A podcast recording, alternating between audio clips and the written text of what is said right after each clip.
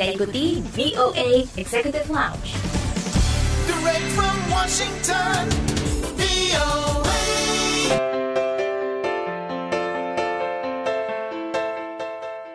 Langsung dari VOA di Washington DC. Hai, apa kabar? Senang sekali bisa bertemu kembali dengan Anda. Saya Dewi Sulianti, tentunya di VOA Executive Launch, di mana Anda bisa berbagi cerita mengenai diaspora Indonesia di mancanegara, sekaligus informasi terbaru dari dunia gaya hidup dan hiburan. Kali ini di VOA Executive Launch ada obrolan bersama Larry Reid, seniman asing pertama yang belajar dan berlatih menjadi dalang wayang tradisional Bali. Nantikan obrolannya, maka dari itu jangan Jangan ke mana-mana, tetap di VOA Executive Lounge.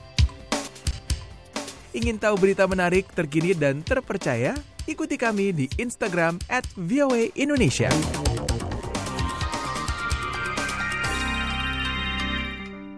Anda masih mendengarkan VOA Executive Launch bersama saya Dewi Sulianti dan sebentar lagi kita akan mendengarkan obrolan reporter VOA Leonard Triono bersama Larry Reid, seniman Amerika yang sering tampil sebagai dalang wayang tradisional Bali. Kita simak obrolan selengkapnya berikut ini. VOA Voice of America Washington DC bersama saya Leona Trionos. Tamu kita hari ini Larry Reid, seorang seniman kondang yang sangat-sangat terkenal dan diakui secara nasional dan internasional dan merupakan pelopor dalam teater wayang kontemporer. Dia adalah orang barat pertama ya yang belajar dan berlatih sungguh-sungguh menjadi dalang wayang tradisional Bali. Nah, ini kok Bali? Nanti kita tanyakan kenapa Bali bukan Jawa.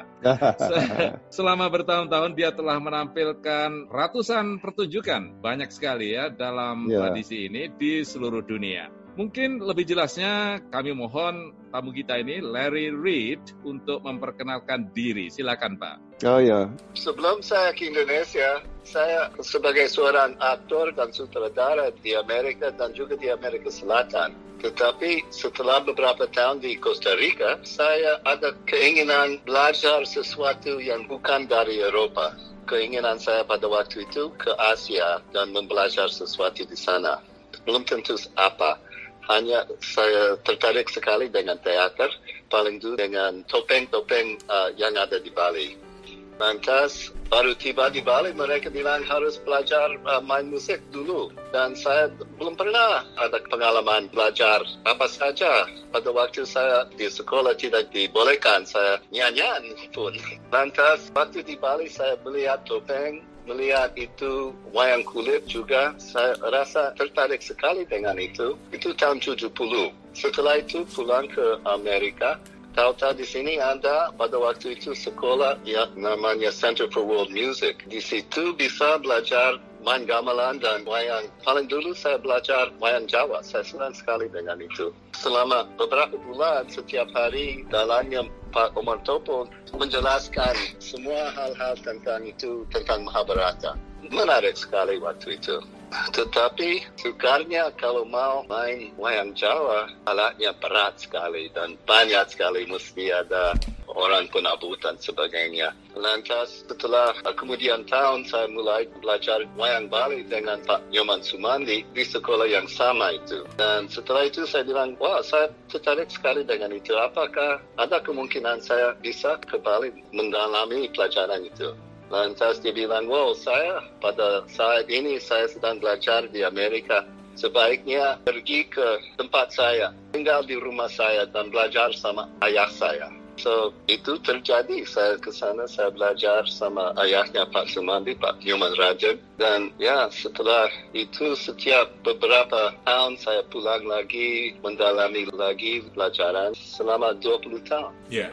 Sedang itu saya masih saya juga mengajar dan main wayang di Amerika. Pak Sumandi dengan saya juga mengajar di Prancis, di Unima di Prancis uh, tahun 86 kira-kira. Ya. Dan setelah beberapa lama itu, 20 tahun kira-kira, saya tahu kita akan bisa lama ke Bali lagi karena sudah punya anak, sudah ini kerja dan sebagainya. Dan saya bertanya diri sendiri, apakah yang saya belajar dari semua ini? Ada sesuatu yang saya bisa membawa ke dunia wayang yang belum ada. Lantas saya mulai dengan eksperimen dengan lampu-lampu lainnya dan pikirannya lainnya supaya bisa mencari sesuatu tidak khusus Indonesia tetapi bisa ke mana-mana kebudayaan yang mana bisa. Itu lama-lama di- dibilang itu wayang listrik itu karena di Bali wayang api yang tradisional Api. pakai api yang saya membawa pakai listrik. Tetapi listrik itu supaya bisa mencampur manusia pakai topeng dengan wayangnya, dengan latar belakangnya, dengan pikiran juga inspirasi dari Iya. dunia bioskop, dari film. Iya, iya. Jadi Lantas setelah itu saya tetap saya main wayang Bali tradisional mungkin dan lagi saya mengadakan segala wayang listrik dari uh, Perancis dari mana-mana bisa Yeah. sering dari Jepang pakai cerita dari Amerika Selatan juga tertarik sekali menarik sekali saya dengan semua itu sampai sekarang saya masih senang Bapak mendapat inspirasi dari berbagai belahan dunia, dari Prancis, dari Jepang, dan memainkan semuanya dengan manipulasi listrik ya, light ya. Ya, dan lagi ini ya, saya, saya pakai kebudayaan umpamanya kalau kita membuat sesuatu dari Jepang, bersama-sama orang Jepang mengadakan itu.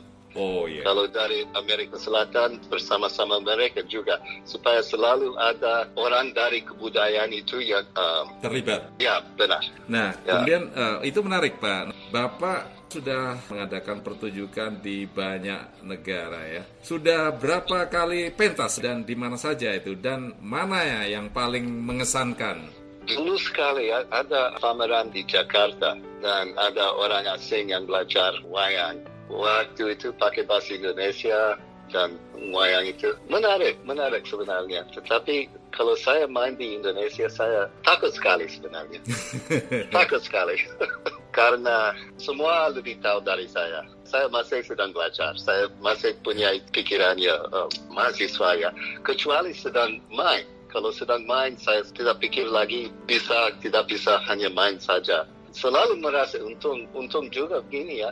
Di sini di California selalu ada penabuh yang bisa mengikuti saya. Ya, itu yang paling penting sebenarnya. Karena kalau tidak ada kemenangan tidak artinya lain. Tetapi rasanya lebih paling kalau di Amerika, kalau kita di bagian barat, tidak penting sekali dalam uh, kebudayaan Amerika seluruhnya.